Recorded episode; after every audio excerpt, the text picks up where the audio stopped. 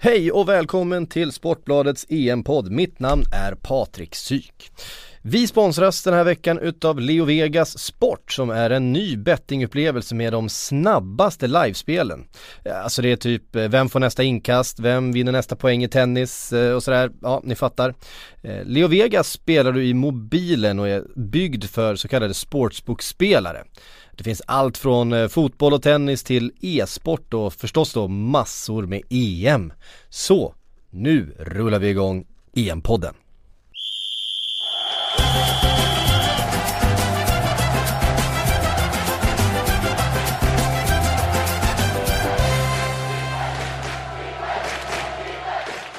Då hälsar vi välkomna till ett nytt avsnitt av Sportbladets EM-podd, EM-podden kallar vi den. Eh, mitt namn är Patrik Syk, jag sitter här med Kalle Karlsson eh, och vi ska försöka eh, analysera händelserna, det som har hänt i alla fall sen i tisdags när vi spelade in förra avsnittet men eh, förstås också eh, prata en hel del om eh, den där eh, ytterst viktiga matchen mot Italien imorgon som är snart bara ett dygn bort, Kalle. Visst känns det lite spännande då? Ja men det är klart det känns spännande. Eh, nu fick vi en uppvärmningsmatch här mot Irland som vi inte är speciellt nöjda med. Varken prestation eller egentligen resultat heller. Men eh, nu får vi ju betydligt tuffare motstånd och då får vi, får vi se om vi kan, eh, eller om Erik Hamréns manna kan steppa upp och, och eh, lyfta sig till den nivån som kommer krävas i den här turneringen. Mm. Men vi börjar med eh, det som hänt de senaste två dagarna då. Vi kan väl börja med det som hände igår tycker jag. Yes. Eh, Frankrikes 2-0 ganska, det satt långt inne om man säger så. 2-0 mot Albanien till slut då efter mål i 89 och 93 något sådär, va? Ja, till och med 95 tror jag. Det var väldigt sent i alla fall. Ja, otroligt sent och Payet ja. fick göra mål igen. Ja. Um, han leder skytteligan så här långt. ja, det, det krävs det, inte så mycket för det. Det är två mål som eh, behövs och Äh, det var ju eh, allt annat än eh, någon övertygande seger för fransk del. Jag måste tycker det är imponerande att se Albanien komma in i det här mästerskapet och spela så pass bra, stå upp så pass bra som de ändå gör mot Frankrike. Eh, Topptippade Frankrike. Eh, Frankrike hade ju såklart eh, en öppningsmatch där de inte eh, var på tå och presterade i den eh, mån som vi hade räknat med och gjorde de här förändringarna då med, med Martial och, och Coman in eh, i startelvan. Jag tycker inte att det eh, lyckades alls. Det, Martial var ju sämst på plan mm. och Coman fick ju inte ut mycket heller. Eh, så att det blev ju fel match för dem att spela. Alltså, de skulle ju använts i en matchbild när det var mycket kontringsspel och omställningar så här. Nu mötte de ju ett lag som parkerar väldigt lågt och eh, det blev inte alls Och gör match... det väldigt bra Gör det väldigt, väldigt bra mm. Och det blev inte alls en matchbild som passade dem eh, Nu är det ingen som tänker på det för att nu kom inhopparen Griezmann in mm. avgjorde och då är ju Deschamps kung ändå. Och då har man sina sex poäng på två spelade matcher, även ja. att man inte har imponerat.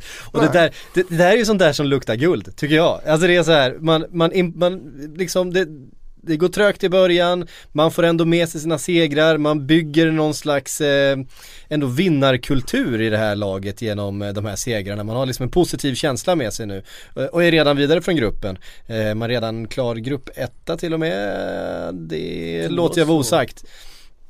Eh, Albanien, trots väldigt fint spel, får nu väldigt svårt att ta sig vidare förstås efter eh, två raka förluster. Ja, det får de ju och det är ju tråkigt för att eh, de har ju varit en positiv överraskning i den här turneringen. Förra matchen så både bra försvarsspel tycker jag och även eh, glimtar av väldigt bra anfallsspel eh, öppningsmatchen. Och eh, i den här matchen då visar man att man kan stå upp så här bra mot så pass bra motstånd. Så att eh, lite trist. Eh, men de har ju fortfarande chansen att knipa en, en plats som bästa trea. Så att eh, vi får se om de grejer det. Mm. Vi gillar ju, vi, både du och jag är lite kära i han högerbacken Hysaj. Ja. Som har varit Jag tror inte vi är de enda heller. Nej! Det är ju verkligen, han är ju klass. Eh, han, eh, han är fin. Mm. det var någon här i mitt Twitterflöde som frågade mig här om, om han är nya Filip Lam. Mm. Och det är ju stora ord.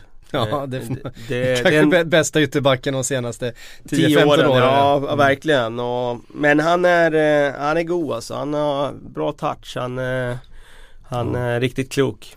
Ja, han kan både spela kort eh, kort och långt och Mm. göra det eh, väldigt fin precision och han hade ju Martial i sin bakficka verkligen under första eh, halvlek där. Verkligen. Eh, Det, det, Och låg han ju bakom ingenstans. chansen där som de har vid ställningen Ja, som- 0-0 som går de prickar stolpen. där. Eh, Det är väldigt bra inlägg. Mm. Eh, Frankrike blir förstås eh, spännande att följa. Payet, han är, Mm. han är först ut i den här, eh, det här EM-mästerskapets All-star-lag än så länge. Han är den första som tas ut, får man väl ändå säga. Eh, han håller på att göra det här till sitt, sitt EM. Ja, alltså om man pratar sådär All-star-lag och sådär så brukar du ju du lägga grunden till det här i gruppspelet för det är då som Ja, du kan nästan leva på det sen vad du har gjort resten av turneringen och det är klart han lägger en väldigt bra grund nu. Drömmål i första matchen och nu curlar han in 2-0 på det där fina sättet. Eh, han tycker jag väl Och gör mycket annat bra också. Tycker jag också i den här matchen att Frankrikes spel fungerar inte men han gör ju väldigt mycket eh, Skapar mycket och han hade även i den här matchen kunnat haft någon assist om lagkamraterna bara hade gjort mål. Min favorit är yttersidan han slår till Pogba. Mm, som han gör på fin. en, på en touch också. Den är fin. Ja, eh, det är inte vem som helst som han gör, spelar som med stort självförtroende, det kan man säga. Ja den där högerfoten, eh, den går ju inte av för hacken. Nej den kommer vara värd en del Mm. eh, framöver här.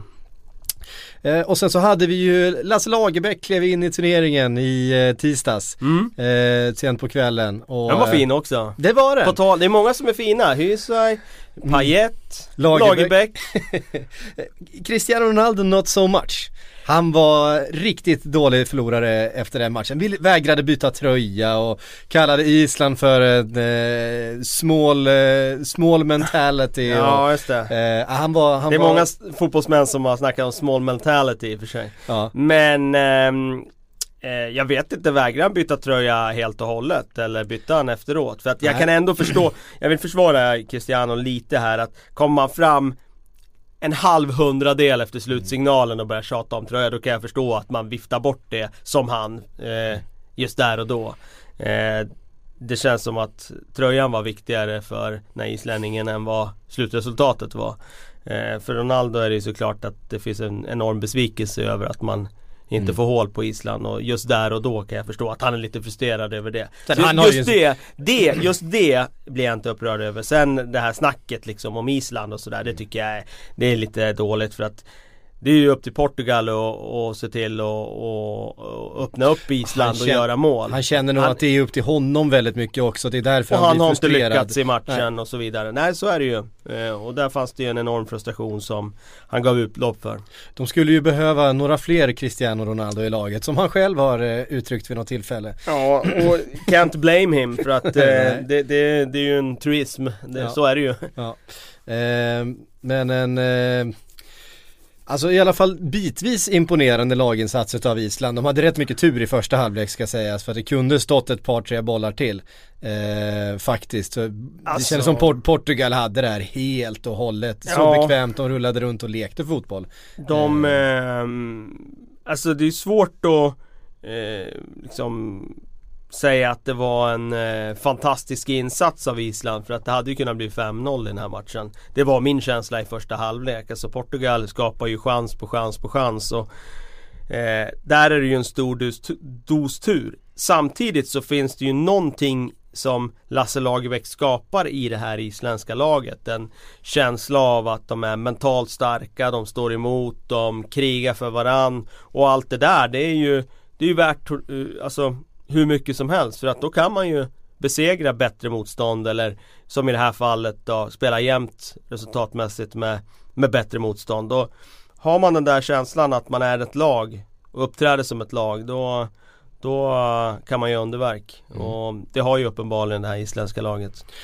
Vi har ju Robert Laul som punktmarkerar det isländska landslaget och punktmarkerar Lasse Lagerbäck. Vi tar och slår eh, Robert en signal tycker jag eh, och ser vad han har fått med sig av de här senaste dagarna.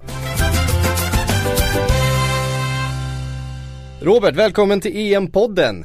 Ehm, du har ju punktmarkerat det här isländska landslaget nu i en eh, vecka ungefär. Mm. Hur, eh, hur har den resan varit?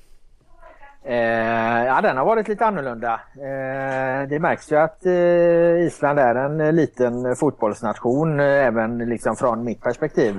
Eh, det är inte mycket journalister som följer det här eh, laget. Det är väl en eh, 10-15 stycken från, från Island, eh, isländska reportrar och så här. sen så nu när det börjar gå bra för dem och så, så ja, då droppar det in en och annan utländskt tv-bolag och så här också till presskonferenserna. Men det är en ganska lugn och lättarbetad tillvaro skulle jag säga.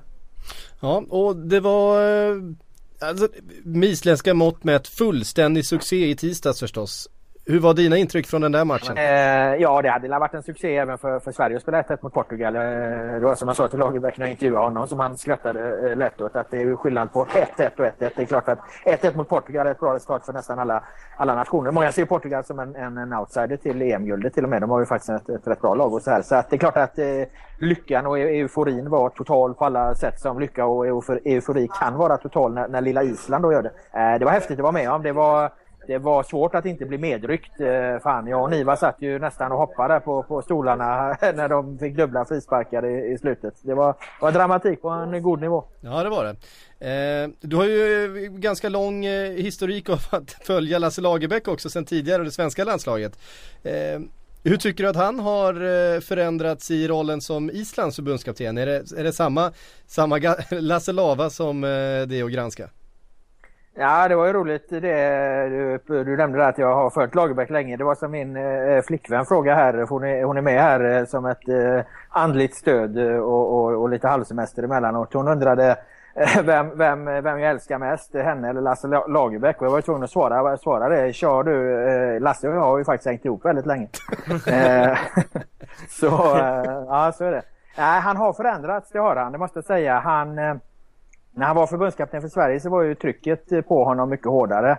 Eh, han var under mycket större press och han byggde ju själv upp mycket större förväntningar här genom att ta Sverige till mästerskap efter mästerskap. Så till slut var vi inte nöjda med det utan eh, det var ju tryck på honom att eh, då skulle det gås vidare från grupper och, och, och, och ja, vad fan, det var ju inte ens så att åttondelsfinal var, var nog ibland.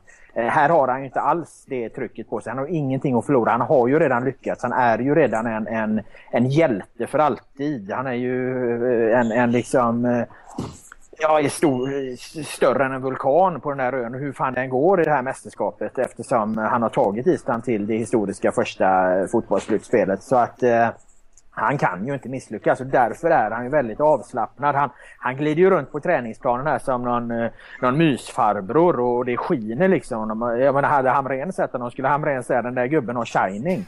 Eh, alltså han, han, han, har time of his life eh, på, på många sätt, Lagerbäck. Och, och dessutom ett eh, kompetent lag. Jag menar Island är ju inte ett gäng vikingar utan de har ju faktiskt en hel del eh, kvalitetsspelare. Nu, nu fick väl Gylfi Sigurdsson då, som är otroligt duktig, inte visa jättemycket mot, mot Portugal men det tror jag att han kommer göra mot Ungern. Um, ja, Lasse har ju dessutom uh, gjort några, några år i tv-rutan här och jobbat med media. Tror du det har påverkat honom att han har fått liksom se andra sidan?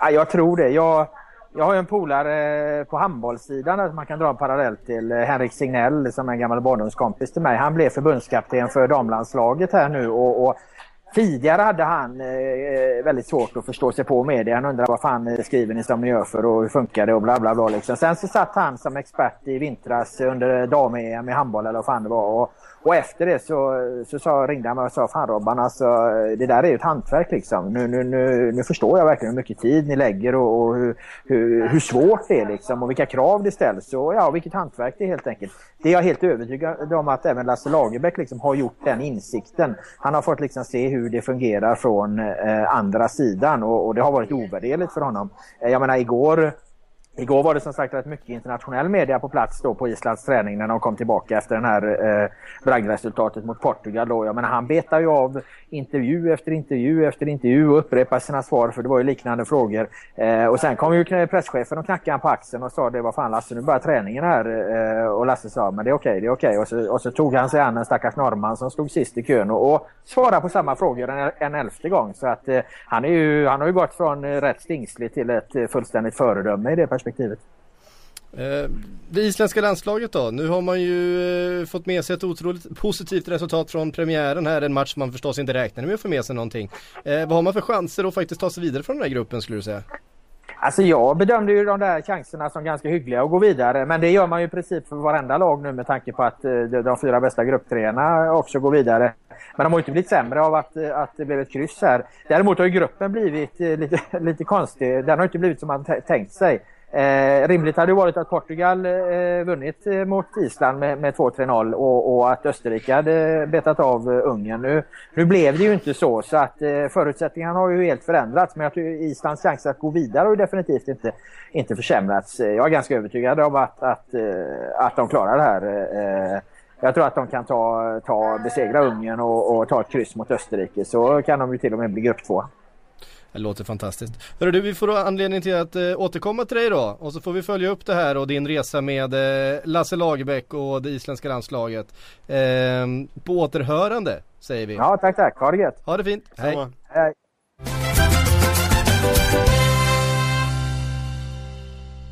Yes, det var eh, Robert Laul det som eh, punktmarkerar verkligen det isländska landslaget och han följer sin eh, kanske största kärlek då, Lasse Lagerbäck. Det låter väl vara osagt. Ehm, vi, vi dundrar på, vi har med oss Erik Niva från Frankrike nu. Hej Erik, har du det bra? Nej, det kan jag inte påstå. Jag sitter i en hotellobby och surar. Jaha. Kom till Toulouse vid tio rycket idag. Nu är klockan snart två. Har jag fått något rum? Nej, det har jag inte. Så i det lilla är det inget vidare, men på det stora hela är det såklart bra. Det är ju EM. Det är ju EM. Uh, you got so little to lose. Ja, precis. För... Som vi säger i punkrocksvängen. Exakt. Uh, Randy Hortlax. Du var ju, uh, du var ju uh, tillsammans med Laul och såg det isländska landslaget i förrgår. Frågan är, han du få med dig någonting av den andra matchen i gruppen, den mellan Österrike och Ungern, det Habsburgska derbyt? Mm.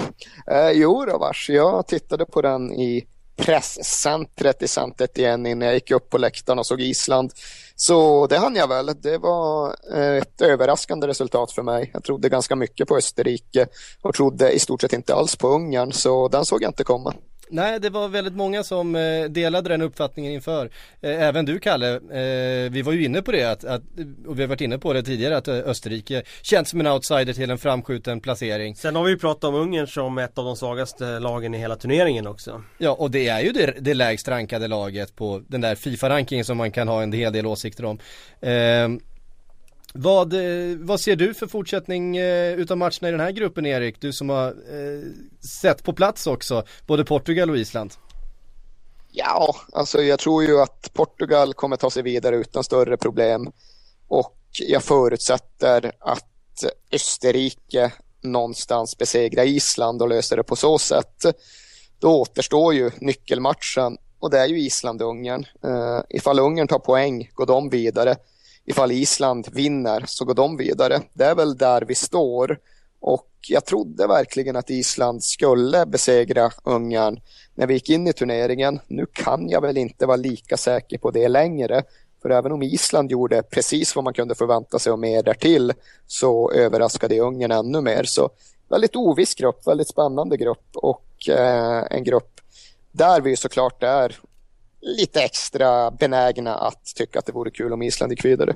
Ja, det råder, eh, det råder en skaplig Lasse Lagerbäck-feber här hemma i Sverige också, Kalle. Den, den eh, känner man av. Ja, man märker ju på folk att uh, man följer ju Sverige i första hand men sen är det ju Island som uh, lockar väldigt stort intresse för uh, många här hemma. Det är ingen tvekan om det. Se, se, se, se, se, se. Oj, nu har jag en störning på ljudet. Störning på ljudet. Ja, just man ser vad snabbt det kan svänga. Lasse Lagerbäck var ju inte Sveriges populäraste person direkt för, eh, eh ja hur många år sedan är det nu? Fem år sedan eh, han lämnade landslaget. Ja, så. ja, nej man blir ju inte profet i sin egen hemstad och inte i sitt eget hemland heller. Eh, men det är väl sådär att eh, det, en sittande regering är aldrig populär heller. Nej. Och det är väl nästan bättre när man har lämnat skutan och någon annan får ta över och man får se vad, vad man får istället. Ja, frågan är vad känslan är för här Erik Hamrén om en sådär 5-6 år när han har tagit Färöarna till, eh, till nästa mästerskap. Till VM. Eh, men eh, det är ju nämligen så att hans bokslut ska skrivas här och nu den här sommaren. Och det inleddes ju inte så speciellt imponerande i måndags Erik. Vilka Ja, du var ju rätt kritisk direkt efteråt förstås till den svenska insatsen eh, med all rätt. Förväntar du dig en uppryckning imorgon mot Italien?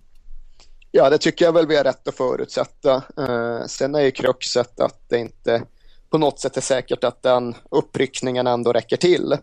För hade vi gjort en normal prestation, eller till och med lite mer än så, så hade vi haft en god chans att besegra Irland. Gör vi en normal prestation mot Contes Italien så är det ju frågan om det räcker till några poäng alls. Gör vi en riktigt bra prestation är det också frågan om det räcker till några poäng alls. Så vi står ju där vi står och det är ett utsatt läge. För jag tror ju fortfarande att vi behöver skrapa ihop en seger någonstans och så som Italien spelade mot Belgien så kommer vi inte vinna mot dem. Sen är det ju dessbättre så att alla matcher lever sitt eget liv. Sverige kan förbättra sig, Italien kan försämra Meet 2024's most anticipated robot vacuum, Eufy X10 Pro Omni. With powerful 8000 PA suction and MopMaster's dual mop pads, it keeps your floor sparkling clean. It's the winner of five Best of CES awards, and Digital Trends says it boasts almost all the same features as robot vacuums that cost twice as much. Want to know more? Go to eufy.com, that's EUFY.com, and discover X10 Pro Omni, the best in class all in one robot vacuum for only $799.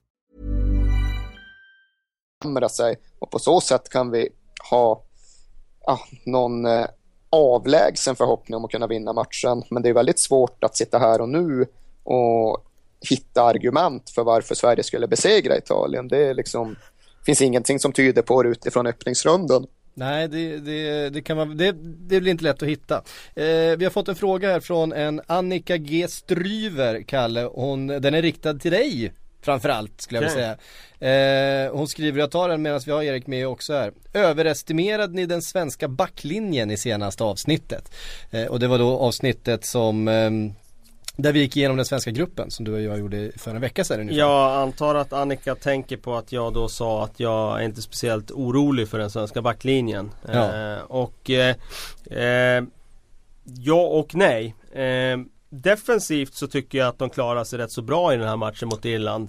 Eh, vilket kanske låter konstigt med tanke på hur svaga vi var som lag i den här matchen. Men om man tittar på Irlands eh, chanser i första halvlek när vi som allra svagast så är det ju mest skott utifrån. Och jag tycker inte att den svenska backlinjen defensivt gör någon katastrofinsats. Eh, däremot så på det individuella planet eh, så kan de ju höja sig markant. Eh, framförallt i, det, i sitt offensiva spel, alltså spelet med boll. Det var ju det jag tyckte var det stora problemet i den här matchen. Att backlinjens sätt att hantera Irlands press och slå en passning till en spelare med samma färg på tröjan. Det var ju det absolut största problemet i, i första halvlek. Och, eh, anfallsspelet överlag var ju det som eh, gjorde mig verkligen bekymrad över hur det ska gå för det här svenska landslaget fortsatt i turneringen.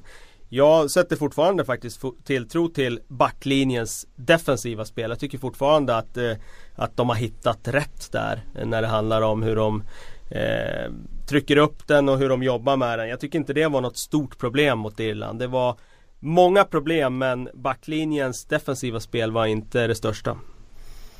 Eh, nu kommer det bli en del förändringar i backlinjen med Mikael Lustigs eh, skada. Eh, Erik, hur förväntar du dig att Hamrén ställer upp imorgon? Ja, det kommer med all säkerhet bli Victor Nilsson Lindelöf till höger, Erik Johansson, Andreas Granqvist i mitten och Martin Olsson till vänster. Och det är ju ingenting att säga om. Jag tycker ju faktiskt att Victor Nilsson Lindelöf har sett minst lika bra ut som högerback som han har gjort som mittback under landslagsvåren. Så ja, jag känner väl lite samma sak där att det finns annat som jag bekymrar mig för innan jag grubblar över det. De kommer ju testas ännu mer än de testades mot eh, Irland. Men jag tror just att ska vi ha en möjlighet att vinna matchen så får vi någonstans börja resonemanget i andra änden av plan. Mm.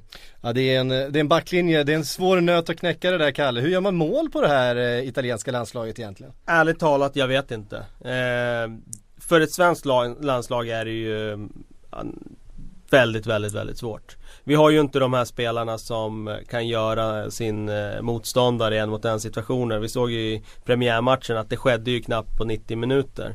Och att det ska ske då mot Italien som har ännu bättre spelare och framförallt försvarsmässigt. Det är ju det är en ekvation som jag inte får ihop.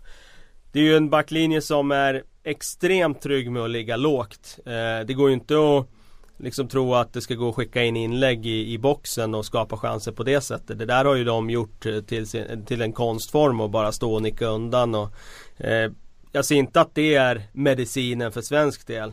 Och jag ser egentligen inte att medicinen är någonting utom en grej. Och det är att få Italien att föra matchen och ställa om på dem. För att annars ser jag inte att vi ska hitta någonting eh, som kollektiv. Sen har vi ju såklart en Mr X i Zlatan som kan skapa någonting ur ingenting. Och ja, det är väl möjligen då att han skulle göra någonting som, som inte finns riktigt i, i, i skolboken. Gör något utanför mönstret. Eller då att vi skulle kunna få på något sätt någon omställningsspel på Italien. Men annars finns det inget, inget som, ingen enkel formel. Nej. Um, Erik, eh, tror du att eh, Gudetti kommer få chansen från start den här gången? Ja, jag tror det. Uh, jag är väldigt lätt att argumentera för varför det ska ske. För jag tycker ju verkligen det. Och jag tror någonstans att Erik Hamrén resonerar på samma sätt. Det måste till en injektion, det måste till en kickstarter och det är ingenting som liksom äventyrar någon form av trygghet i laget oavsett om man tycker det finns en sån eller inte att byta anfallare. Så ja, jag tror att Guidetti får spela och jag tror ju också att Albin Ekdal går in istället för Oskar Lewicki. Yes. Hörru du, eh, du ska få återgå och försöka få tag på det här hotellrummet nu Erik. Ja, jag får nog inte det, men jag ska ge mig ut med Pontus Orre på stan istället. Har man ändå ingen rum så då får man ge sig ut och jobba. Ja, så är det. Eh, so little to lose, vi, återupprepar, vi upprepar det. Eh, ha det så fint så hörs vi längre fram under turneringen. Det gör vi hörni. Ha det bra. Hej ciao, ciao. Hej då. Ja Kalle, vi eh, klagade en del på det som ser ut som en brist på spelidé senast. Tror du vi eh, får se en tydligare plan den här gången? Jag tror att vi får se en matchbild som passar Sverige bättre. Nu ska vi ju veta att Italien är ju en eh, lurig sak eftersom de själva trivs också bäst när de får möta ett Belgien och själva sitta lågt och, och bara flytta laget eh, minutiöst och täcka ytor och slippa ha bollen själva. Men de är ju så pass skickliga spelare för spelare det här italienska laget så jag tror att mot Sverige så kommer de ha betydligt mer boll. Och det kommer att passa Sverige bättre tror jag att, att de eh, får ligga i sitt 4-4-2 och sen eh, försöka vara det laget som ska vara destruktivt istället för att föra någonting för att så bra är vi ju inte på den här nivån att vi kan göra det. Nej. Eh, intressant blir också att se hur Italien eh, ställer upp. Vi ska slå en signal till eh, Jennifer Wegerup som punktmarkerar det laget. Så vi får en rapport därifrån eh, hur eh, det ser ut i Contes läger. Den spelar in efteråt. Mm. Ja det var lite kort om Italien det Kalle. Vi förväntar väl oss att de ställer upp likadant som de gjorde mot, eh, mot Belgien och de att eh, de litar på sitt grundspel. Ja det tror jag. De gjorde en klockren match där borta eh, och jag menar varför, varför ändra efter en sån insats? Det känns som att det där fundamentet där bak det kommer att sitta nu. Han har ju laborerat massor med uppställningar och sådär tidigare i kvalet och han har ju inte hittat rätt tidigare. Men nu kändes det som att nu satt den där trebackslinjen eller fembackslinjen om man ser det som en sådan. Mm. Eh, så att nu kommer den nog sitta turneringen ut. Japp. Vi har fått en massa frågor, eh, precis som vanligt. Eh, Daniel Ustenius skriver, snacka om att vi faktiskt kan få komma tvåa i gruppen på två poäng. Det är sjukt. Eh, och det är sjukt, men det är faktiskt sant. Ja. Eh, det är rätt många resultat som ska, som ska stämma då. Då ska vi eh, förlora mot Italien och sen kryssa mot Belgien. Och Italien måste då också slå eh, Irland och Irland och Belgien kryssa mot varann. Och då handlar det helt enkelt vem som förlorar med minst marginal till Italien som blir tvåa.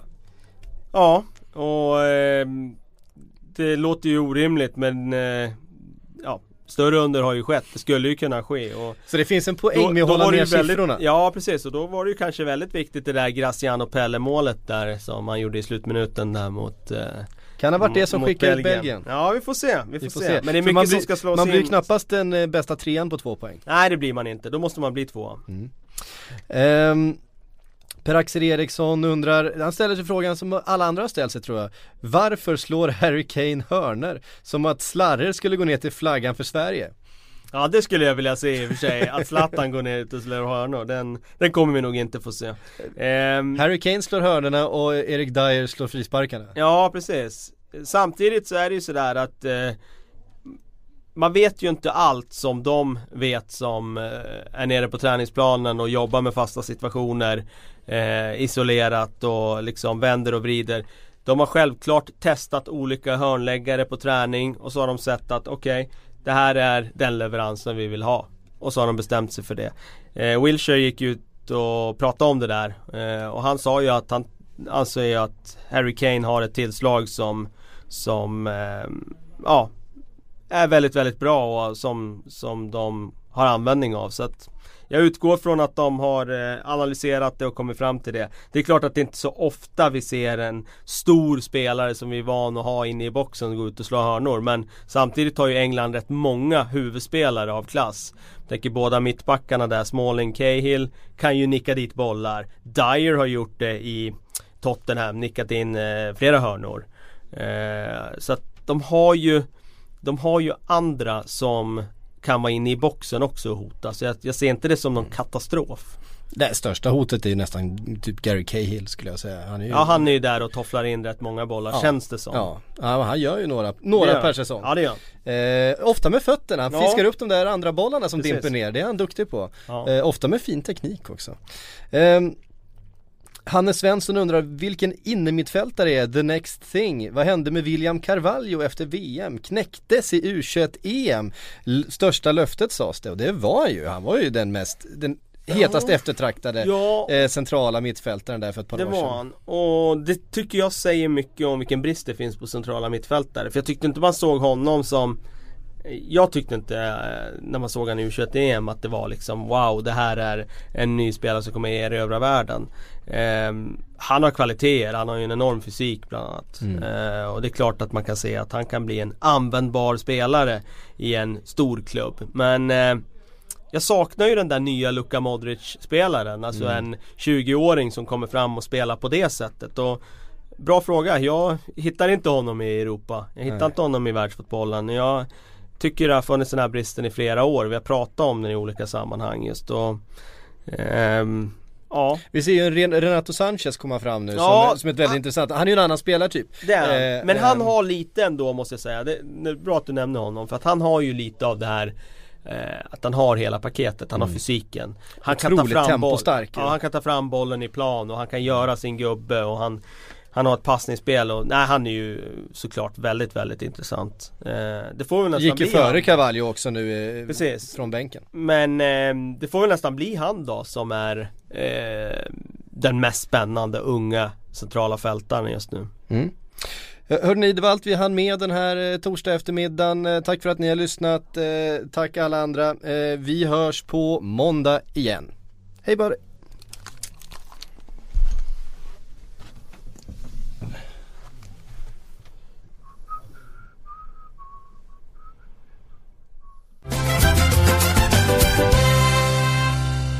Hej Jennifer, välkommen tillbaka till EM-podden. Eh, du följer ju kanske turneringens, eh, vad ska man säga, mest hypade landslag just nu då. De har gått från att vara lite uträknade till att eh, eh vara någonting helt annat efter den där insatsen mot Belgien.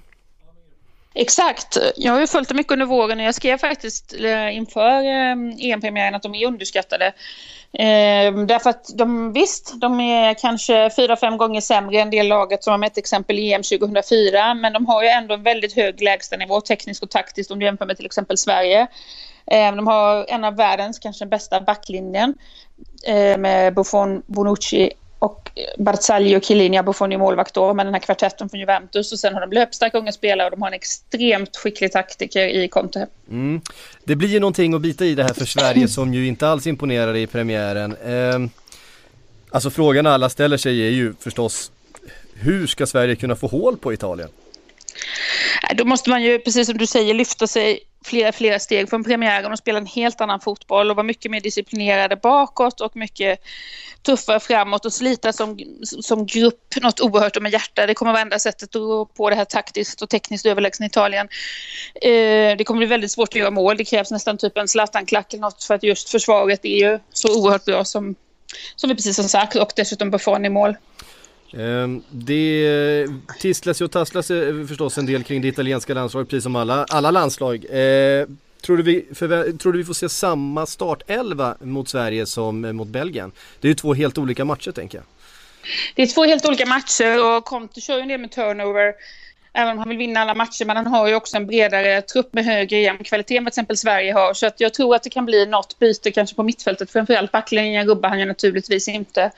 Eh, så jag tror inte att det blir exakt samma startelva om jag ska tro de italienska kollegorna. Vi ska luska lite mer här ikväll. Mm. Um, ja det finns ju lite att laborera med där men det, ja, det handlar ju om ett, ett Italien som ska gå ut och hålla eh, nivå och ett Sverige som måste eh, överprestera förstås. Eh, om du skulle ge något råd till de svenska spelarna mot det här italienska laget, vad, vad skulle det vara? Det är ju just att de kan inte tillåta sig några misstag överhuvudtaget. De måste vara mer vakna bakåt. Det räcker med en missad markering så gör Italien mål. För den kvaliteten har de. Vi ser Giaccherinis nedtagning till exempel. Det är perfekt. Sack, nedtagning, pang, mål på andra tillslaget.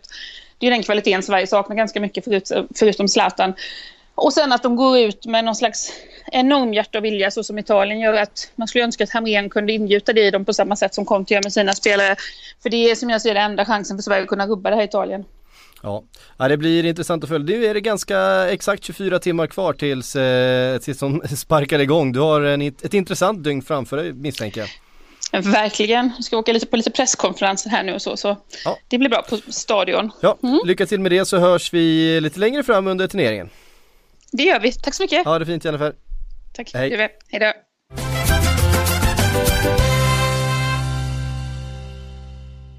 Ja det var lite kort om Italien det Kalle. Vi förväntar väl oss att de ställer upp likadant som de gjorde mot, eh, mot Belgien och de att de en... litar på sitt grundspel. Ja det tror jag. De gjorde en klockren match där borta eh, och jag menar varför, varför ändra efter en sån insats? Det känns som att eh, det där fundamentet där bak det kommer att sitta nu. Han har ju laborerat massor med uppställningar och sådär tidigare i kvalet och han har ju inte hittat rätt tidigare. Men nu kändes det som att nu satt den där trebackslinjen eller fembackslinjen om man ser det som en sådan. Mm. Eh, så att nu kommer den nog sitta turneringen ut. Japp. Vi har fått en massa frågor, eh, precis som vanligt. Eh, Daniel Ustenius skriver, snacka om att vi faktiskt kan få komma tvåa i gruppen på två poäng. Det är sjukt. Eh, och det är sjukt, men det är faktiskt sant. Ja. Det är rätt många resultat som ska, som ska stämma då. Då ska vi förlora mot Italien och sen kryssa mot Belgien. Och Italien måste då också slå Irland och Irland och Belgien kryssa mot varann. Och då handlar det helt enkelt vem som förlorar med minst marginal till Italien som blir tvåa. Ja, och eh, det låter ju orimligt men eh, Större under har ju skett, det skulle ju kunna ske och Så det finns en poäng då, med att hålla ner siffrorna? Ja precis och då var det ju kanske väldigt viktigt det där Graciano Pelle målet där som han gjorde i slutminuten där mot eh, kan ha varit det som skickade ut Belgien. Ja vi får se, vi får, vi får se. se. Men det är mycket blir, som ska slås Man blir in. knappast den eh, bästa trean på två poäng. Nej det blir man inte, då måste man bli tvåa. Mm. Um, Per-Axel Eriksson undrar, han ställer sig frågan som alla andra har ställt sig tror jag. Varför slår Harry Kane hörner? Som att slarrer skulle gå ner till flaggan för Sverige. Ja det skulle jag vilja se i och för sig, att Zlatan går ner och slår hörnor. Den, den kommer vi nog inte få se. Um, Harry Kane slår hörnorna och Erik Dyer slår frisparkarna. Ja precis. Samtidigt så är det ju sådär att eh, man vet ju inte allt som de vet som eh, är nere på träningsplanen och jobbar med fasta situationer eh, isolerat och liksom vänder och vrider. De har självklart testat olika hörnläggare på träning och så har de sett att okej, okay, det här är den leveransen vi vill ha. Och så har de bestämt sig för det. Eh, Wilshire gick ut och pratade om det där eh, och han sa ju att han anser ju att Harry Kane har ett tillslag som som eh, ja är väldigt väldigt bra och som, som de har användning av så att jag utgår från att de har eh, analyserat det och kommit fram till det. Det är klart att det inte är så ofta vi ser en stor spelare som vi är van att ha inne i boxen gå ut och slå hörnor. Men samtidigt har ju England rätt många huvudspelare av klass. Jag tänker båda mittbackarna där, Smalling, Cahill kan ju nicka dit bollar. Dyer har gjort det i Tottenham, nickat in eh, flera hörnor. Eh, så att de har ju De har ju andra som kan vara inne i boxen också och hota. Så jag, jag ser inte det som någon katastrof. Det största hotet är ju nästan typ Gary Cahill skulle jag säga. Han är ju... Ja han är ju där och tofflar in rätt många bollar ja. känns det som. Ja, ja han gör ju några, några per säsong. Ja det gör han. Eh, ofta med fötterna, han ja. fiskar upp de där andra bollarna som Precis. dimper ner. Det är han duktig på. Eh, ofta med fin teknik också. Eh, Hannes Svensson undrar vilken innermittfältare är the next thing? Vad hände med William Carvalho efter VM? Knäcktes i U21-EM? Största löftet sades det och det var ju, han var ju den mest, den hetast eftertraktade ja, eh, centrala mittfältaren där för ett par år sedan. Det var han. Och det tycker jag säger mycket om vilken brist det finns på centrala mittfältare. För jag tyckte inte man såg honom som jag tyckte inte eh, när man såg han i U21-EM att det var liksom wow det här är en ny spelare som kommer erövra världen.